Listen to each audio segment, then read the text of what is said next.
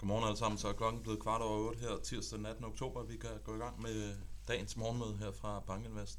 Lad os hoppe direkte ud i det og gå til slide nummer to. Hvad var de dominerende temaer for de finansielle markeder i går? Jamen først og fremmest så så vi, at England de lavede i den grad noget af et U-turn. Hunt, den nye finansminister, han var ude og trække stort set alle de foreslåede skattesænkninger tilbage. Og det var altså også med til at understøtte de finansielle markeder. Vi så et meget, meget kraftigt fald i eksempelvis den engelske 10-årige.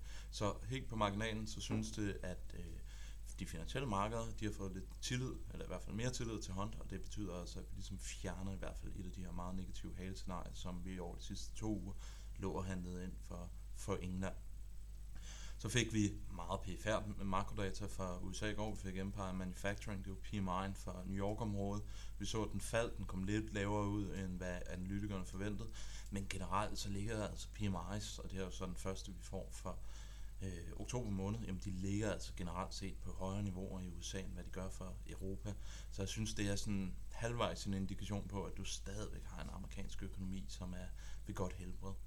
Så så vi en relativt kraftig cyklisk rotation i markedet. Det har jo været nogle dage, hvor det har svinget mellem store fald og store stigninger, men i går der var det i hvert fald en stigning, som også var fuldt med af en cyklisk rotation i markedet. Her for morgenstunden så er Financial Times ude med en, øh, et rygte om, at Bank of England kommer til at udskyde deres QT-program, altså deres frasalg af obligationer. Og det er altså med i det meget tidlige marked til at understøtte nogle meget, meget kraftige stigninger i globale aktier. Vi ser amerikanske S&P 500 future værende op med små 1,5 procent. Og, men samlet set temaet for i går, jamen det var altså kraftigt stigende aktiemarkeder med S&P, som sagt, der ender over 2% op.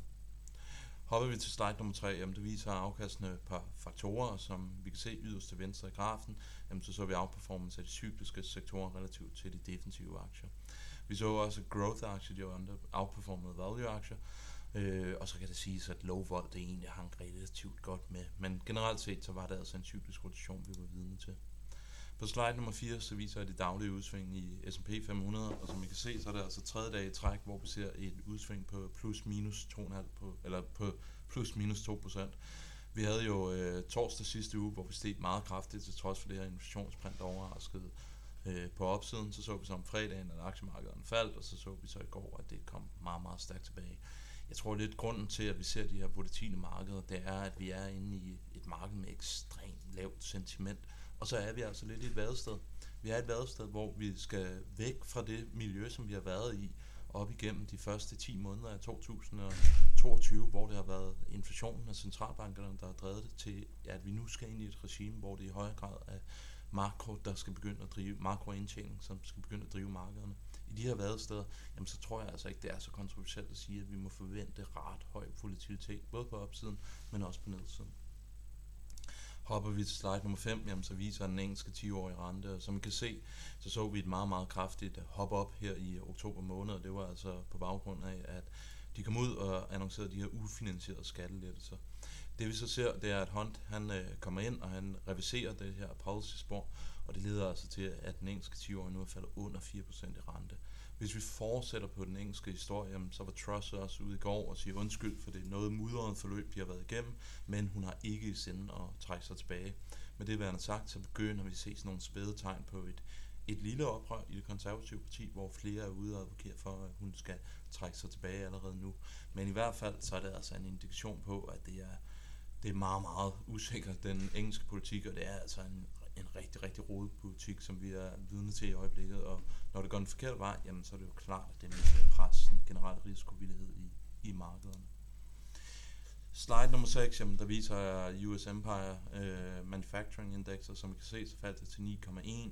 Går vi bare to måneder tilbage, der var vi altså hele vejen nede på lidt over minus 30, og der var meget, meget kraftig vækstopbremsning, vi var vidne til der i en kort måned, men vi kom så tilbage relativt hurtigt det er altså en økonomi i New York-området, som er indikeret at være i contraction, men alt taget i betragtning, så er det altså ikke det her rigtig, rigtig negative scenarie, som vi endnu ser spille sig ind for den amerikanske økonomi. Og igen, det understreger altså bare, at amerikansk økonomi klarer det alt andet lige noget bedre, end hvad den europæiske øh, økonomi gør eksempelvis. Så her for morgenstunden, så kom Bloomberg Economics ud med deres opdaterede recessionsindikator, og øh, nu siger jeg lidt med et smil på læben, den er jo steget til 100%, så der er 100% sandsynlighed for, at den amerikanske økonomi skal gå i recession over de kommende 12 måneder. Nu tror jeg, at man skal være meget, meget varsom med øh, 100% sandsynligheder, men ikke desto mindre, så er det jo en illustration, sådan skal man nok mere se det, på at vi går en udfordrende tid i, i møde i den amerikanske økonomi. Som vi har highlightet mange gange her i det her morgenmøde, så skal man altså huske på, at aktier, det er som oftest bunder, når du kommer ind i slutningen af en recession. Så vi kan, hvis de her tal holder sig, øh, holder sig på de nuværende niveauer, jamen, så kan vi altså se ind i en i noget udfordrende tid for de globale aktiemarkeder, i hvert fald på en strategisk horisont. Og nu går jeg lidt igennem nogle af de der spørgsmål, som vi fik sidste uge. Et af dem, det var, jamen, hvad vil der egentlig ske med øh, amerikanske aktier, hvis vi skal ned og handle på sådan nogle recessionsniveauer på forward-multipler, og vi også begynder at se noget yderligere pres på indtjeningsestimaterne.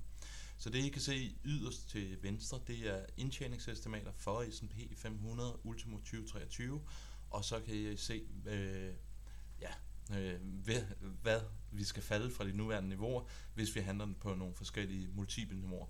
Så hvis indtjeningen for 2023 den kommer ud i 218, og vi skal ned og handle på 13 i forward pay, det vil jeg sige, det er altså noget, som man som oftest oplever, når du kommer ind i en recession, jamen så indikerer det altså, at vi kan se 23% fald for amerikanske S&P 500 det er det rigtige, det er det negative scenarie. Men det er altså en illustration på, at selvom vi er faldet meget, så hvis vi skal ind i et recessionsscenarie, hvor vi ser indtjeningen komme under pres, hvor vi ser multiple komme ned på sådan noget kapitulationsniveau, så er der altså plads til, at vi kan se yderligere relativt kraftige fald i aktiemarkedet.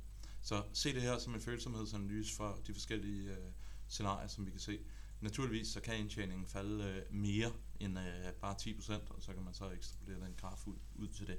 Men øh, 23, selvom øh, man ikke skal forudsige alt for meget død ødelæggelse, så synes jeg, det vil være et nogenlunde fornuftigt nu, hvis vi skal ind i en rigtig hård recession. Og lige på hensyn øh, til det, så vil jeg godt knytte en kommentar til den her diskussion, der er ude i markedet om, hvorvidt det bliver en mild eller en hård recession. Jeg fik et rigtig godt indspark fra en god kollega her den anden dag, som sagde, at det skulle godt nok være første gang i verdenshistorien, at vi ser en global mild recession. Altså både Europa, USA og Kina går ind i et mildt øh, vækstafmatningsmiljø det sker bare ikke rigtigt. Altså, hvis hele verden skal ned i gear, jamen, så bliver recessionen altså med høj sandsynlighed noget hårdere, end hvad der i øjeblikket ligger bliver frygtet ud i markedet. Og så har jeg lavet sådan en lille preamble på Bank of America's Fund Manager Survey, så kom ud her i morges. Og jeg kommer også til at tage nogle grafer med på det øh, i morgen. Men altså det vi overordnet ser, det er på et fund manager niveau, så har vi kapitulation i markedet i øjeblikket. Vi ser, at fund managers, altså sådan nogle som os, de indikerer, at de har den laveste aktieallokering nogensinde i den her rundspørgshistorie. Det er en aktieallokering, der indikerer til at være lavere end det, vi så op igennem 2008. Vi ser, at folk er ekstremt negative på væksten, frygter recession, frygter en meget kraftig vækstopbremsning i øjeblikket. Vi ser også, at folk er meget negative på earnings, og igen, det er jo lidt en illustration på, at alle er ude og sige, at earningssystematerne er for, for høje, og analytikerne er alt for langsomme det er rigtigt nok, men det er i hvert fald ikke noget, som er en hemmelighed længere. Når du spørger de her globale fund manager survey, så husk på, der er altså en rigtig stor pulje af assets, som der er ude at blive spurgt til, jamen så er de altså på nuværende tidspunkt meget negative på earnings. Så det er ikke kontroversielt at sige, at vi skal se indtjeningsestimater falde. Samlet set, som jeg sagde, hvis vi går ind i en recession, så skal aktier længere ned, uundgåeligt. Men på den helt korte horisont, når vi har et sentiment, som ligger på de her niveauer, så er der altså en øget sandsynlighed for, at vi kan se et sentimentdrevet rally.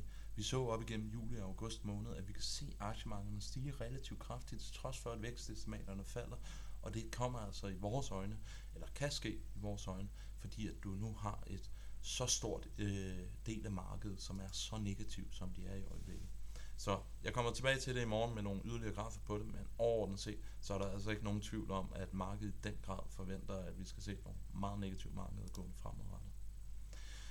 Her for morgenstunden, øh, det, som jeg sagde, det er ekstremt positive markeder, som vi ser i øjeblikket, og det kommer altså på den her Financial Times øh, rygte om, at Bank of England kommer til at udskyde deres QT-program. I dag, der kommer vi til at se to Fed-medlemmer, som skal ud og snakke pengepolitik, som skal ud og snakke vækst. Vi får regnskab for Goldman, vi får industriproduktion for USA, og så ser vi som sagt, at de asiatiske markeder de ligger og stiger relativt kraftigt. Med disse ord, så vil jeg ønske jer alle sammen en rigtig god dag, og vi høres ved i morgen, hvor jeg vil lægge lidt fokus på, hvad vi forventer af stjerne, eller den øh, langsigtede rente i USA skal, skal være. Med disse ord, have en god dag. Hej.